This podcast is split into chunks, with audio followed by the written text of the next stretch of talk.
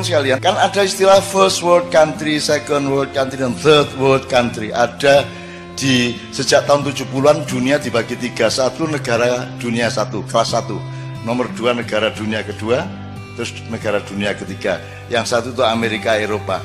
Yang kedua itu dulu itu masih Jepang, Cina, dan seterusnya. Kita ini negara dunia ketiga paling asor, paling sordew. Kita ini dengan bangga, kita sebagai warga dari negara dunia ketiga. Lo malah bangga. Ya. saya ingin katakan sama anda semua 10 tahun ke atas 10 tahun sejak sekarang dan kemudian Amerika akan menjadi negara dunia kedua. Eropa akan menjadi negara dunia kedua jadi dia akan turun kelas. Afrika, Amerika Latin akan tetap menjadi negara dunia ketiga tapi Pasifik, negara-negara Asia Pasifik dari Indonesia sampai Cina di utara, ada Thailand, ada Myanmar, ada Kamboja, ada Vietnam, ada semuanya akan menjadi negara dunia pertama. Dia akan menjadi first world country. Pusat perekonomian dunia akan ada di wilayah Asia Pasifik. Indonesia akan menjadi bagian dari supremasi ekonomi dunia dalam waktu tidak lama lagi. Neng dudu wekmu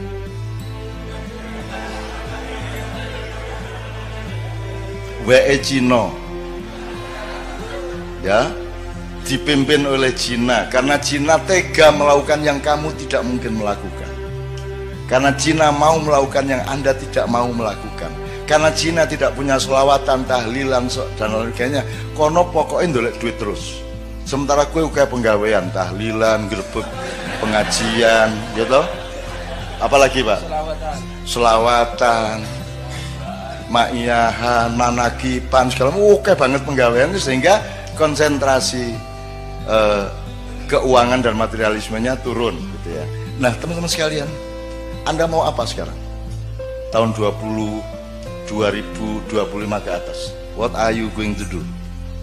Kamu mau apa? Gue harus jadi cleaning service. Gue harus jadi satpam.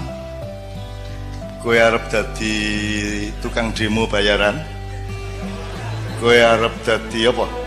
Gue harap jadi pengemis gue proposal nang dindi gue pura-pura jadi pura-pura jadi wong kritis padahal dikongkon satu via untuk demo via yang lain. Gue harap jadi apa? Gue harap jadi wong ngemis. Gue wong Jawa ya rata-rata ya. Gue milih ndi? Mati kaliren opo mangan tapi barang colongan? Tenang nih Ngene, gue tahu ngerti tau ceritane ono macan digudo kancil. Muangkel banget tau kancil kuwi.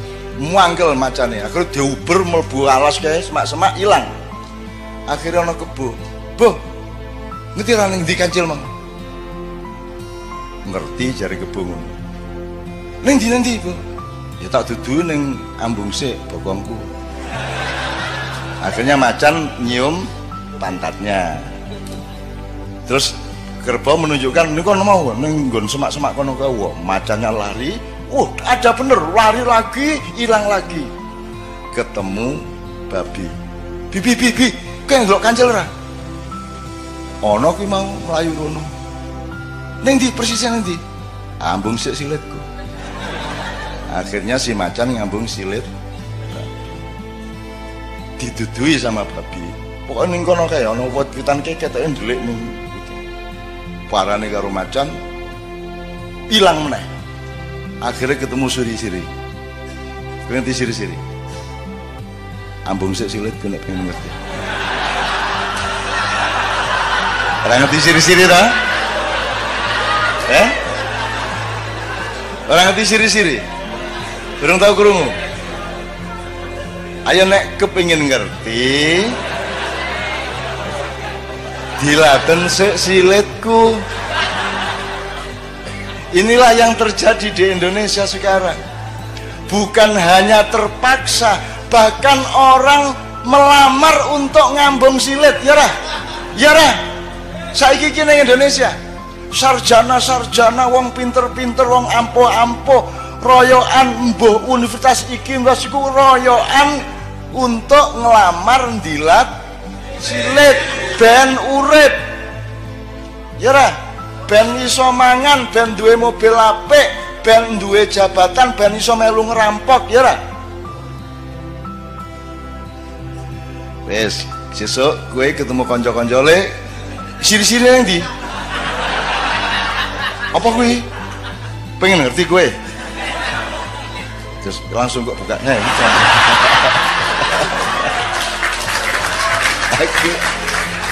aku kayak banget ngono-ngono gue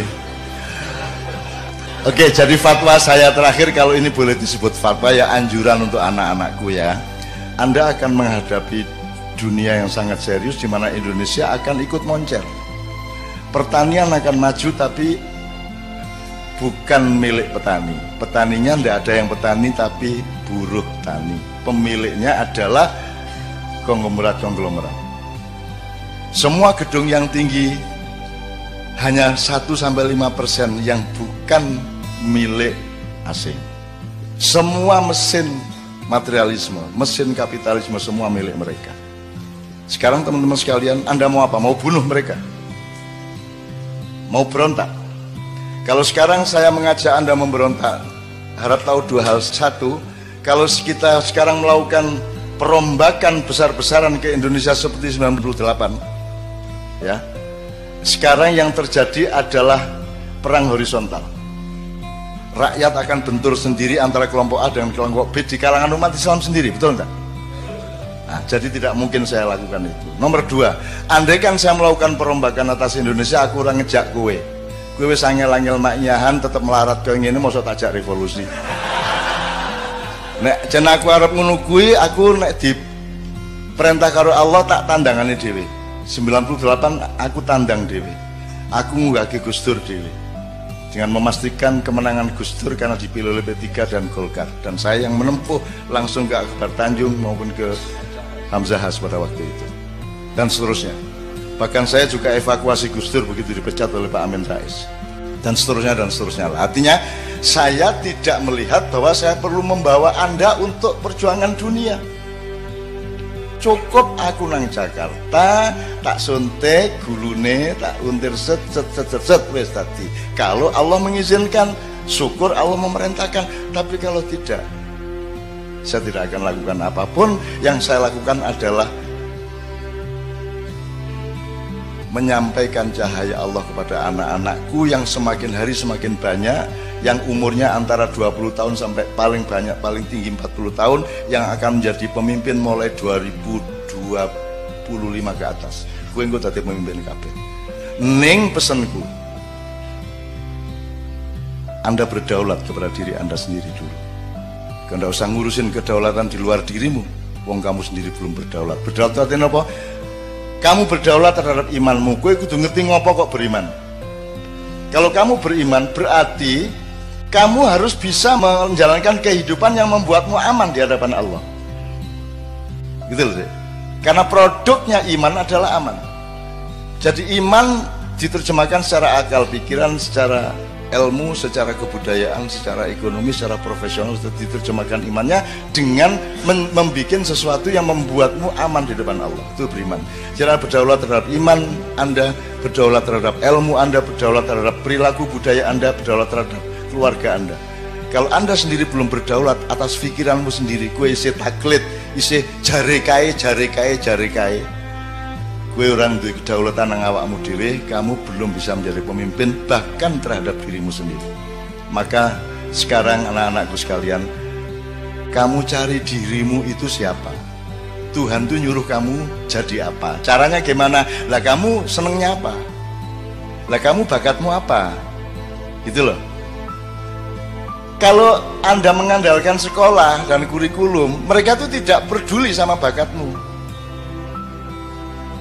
kurikulum itu podo kabeh diperlakukan sebagai kambing padahal ono kijang ono sapi ono ayo kambing ki wedhus. Padahal ada kambing ada wedhus ono kowe. Ya.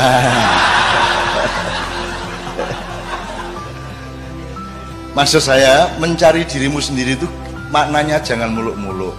Kamu punya kecenderungan apa? Mulai dilihat sekarang kamu itu kamu wah aku seneng ya karo kopi kita dodolan aku tak gawe warkop baik.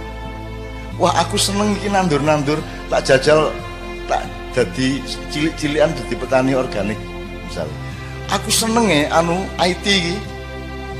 Pokoknya terserah anda itu kecenderungannya apa? Itu namanya fadilah fadlallahu ba'dun ala ba'din. Temukan dirimu yang Allah konsep. Kalau di sekolah kan sekolah tidak peduli sama Allah dulu kasih apa kepadamu. Kan begitu maka kamu sendiri yang harus cari siapa dirimu kecenderunganmu apa bakatmu apa dan carilah bahagia karena bahagia itu hanya hanya dengan Allah. Jadi kamu mosok mosok kon dosen tapi ngersulo. Aja ngersulo. Kamu temukan nikmatnya akhirat di dalam pekerjaanmu sebagai dosen. Kan begitu? Kamu jangan ngersulo kue dot kue ngojek neng karo grundel benasu ngojek aku aduh teman-teman sekalian kemarin saya diceritai oleh Sabrang di Jepang itu ada orang yang 40 tahun lebih itu dia kerjaannya melipat-lipat kertas origami itu gawe manuk, gawe perahu, gawe apa, gawe apa loh. Jadi petang petang ngunang terus deh. Kan iki mau tau iki? Bendino mengelipat ngelipat kertas apa? Apa tuh gunanya apa gitu ya? Anda tidak tahu itu torikot itu ketekunan. Lakukan saja apa yang Allah fima atakallah. Yang Allah kasih kepadamu itu lakukan dengan istiqomah sungguh-sungguh tekun total sampai kamu jadi ahli yang kamu lakukan itu. Naik kue dodolan soto kue ahli soto Nanti ketika Indonesia menjadi negara dunia ke satu, kamu adalah pakar. Kamu direktur atas hidupmu sendiri. Kamu dibutuhkan oleh konglomerat-konglomerat. Bahkan kamu akan jadi konglomerat. Dan tidak apa-apa menjadi konglomerat asal kamu temukan nikmatnya akhirat di dalam konglomerasi yang kamu jalan. Gitu loh, Dek. Temukan sekarang bakatmu apa.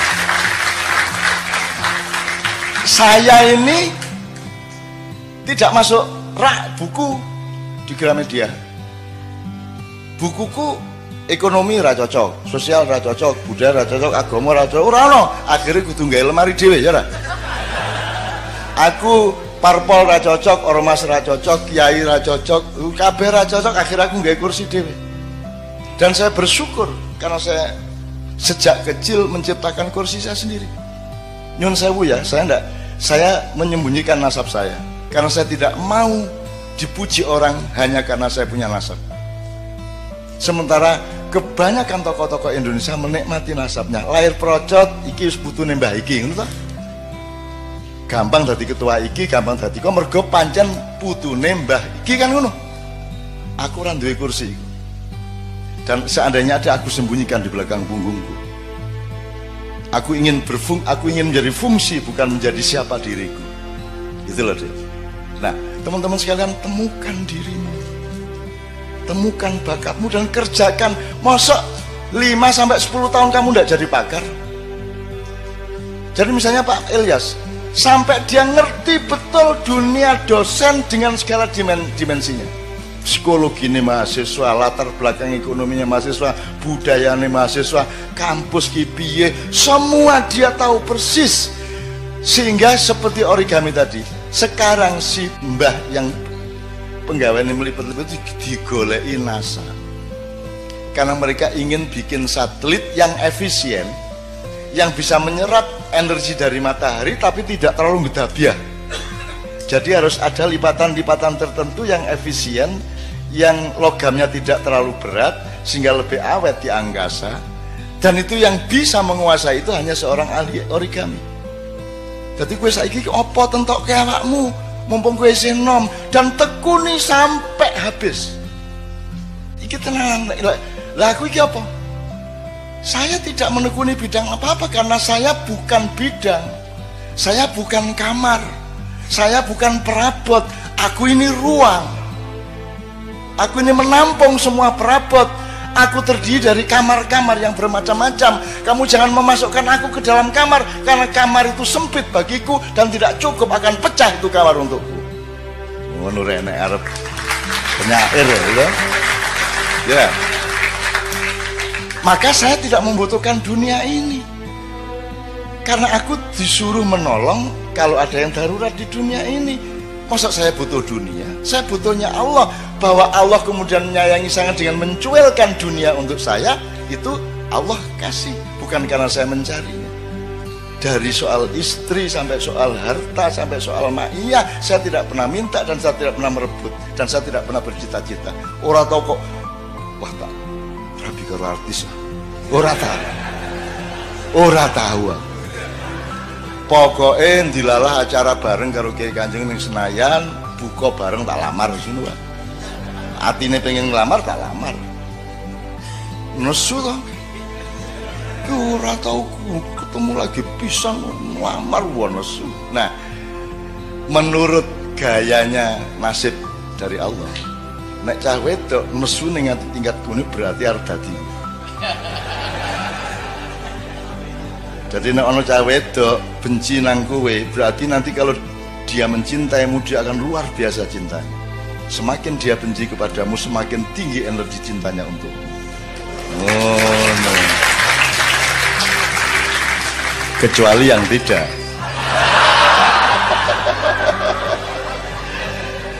Ini yang terakhir jelas ya mas ya. Mulai besok pagi, tekuni kerjaanmu. Tekuni sampai kamu jadi ahli kamu jadi pakar, kamu menguasai betul bidangmu. Ya teman sekalian ya, jadi ahli ya, jadi ahli. Aku kira tahu tanggung-tanggung loh. Ngelakoni apa wae tenanan, tenanan. Tenanan itu tidak hanya sekarang, tenanan itu diuji oleh waktu selamanya. Kita tidak tahu masa depan sama sekali. Kita tidak tahu akan meninggal umur berapa. Kita tidak tahu Israel akan datang ketika kita berusia berapa pokoknya kita lakukan terus. Terus. Nek corone wong main remi di Jawa Timur pokok iki kartu iki nek tak tokno badi arek iku gepeng kaya ilir gak tak tokno kartu iki. Nek saiki lak gampang kompromi to Mas. Gampang kompromi kemarin PDIP terus mencalonkan diri PKB terus mari ngono ganti meneh Nasdem kan gitu. Pokoknya apa yang dia badi. Karena dia tidak punya dirinya sendiri dia tidak punya keistimewaan dia tidak punya fadilah yang dikasih Allah kepada dia. Nah temukan fadilah dari Allah kepada masing-masing maka kamu sudah dijamin oleh Allah bahwa akan aku lebihkan kebunmu asal engkau mencari aku dalam hidupmu. Ini ya? Tepuk tangan untuk Allah subhanahu wa ta'ala Sudah pernah ada kiai mengatakan tepuk tangan untuk Allah? Belum pernah ya? Kira-kira menurut fikih bagaimana? Allah tidak butuh tidak akan terpengaruh oleh tepuk tangan. Tepuk tangan tidak menentukan baik atau buruk. Yang menentukan adalah niatmu apa. Anda bersyukur. Ya toh? Tepuk tangan untuk bersyukur toh. Seneng toh? Ya top gitu kan. Loh, Mas, orang itu sering karena berpikirnya materialis dan keduniaan, yang dilihat itu barangnya, ucapannya, bukan muatannya. Gitu Mas. Orang tuh saking, wah, jos, Allah ki jos tenan. Isa bangun itu, Mas. Wah, top tenan Allah kan gitu. Boleh enggak itu? Kalau menurut tadi itu protokoler enggak boleh. Allahu Akbar, Allahu Akbar. Lihat nih orang lega tuh nek gue wong Semarang. Allah iki jos ndak. Oh, no. Anda baru bisa menemukan indahnya dunia kalau engkau bertujuan akhirat. Betul enggak? Kalau tujuanmu dunia, dunia menjadi remeh.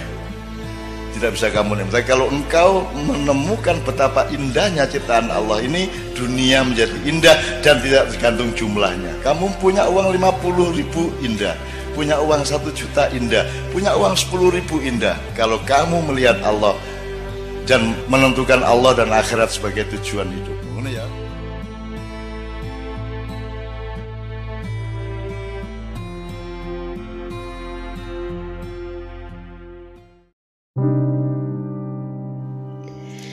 Simpanlah kembali bumi, simpanlah kembali duka derita duka nestapa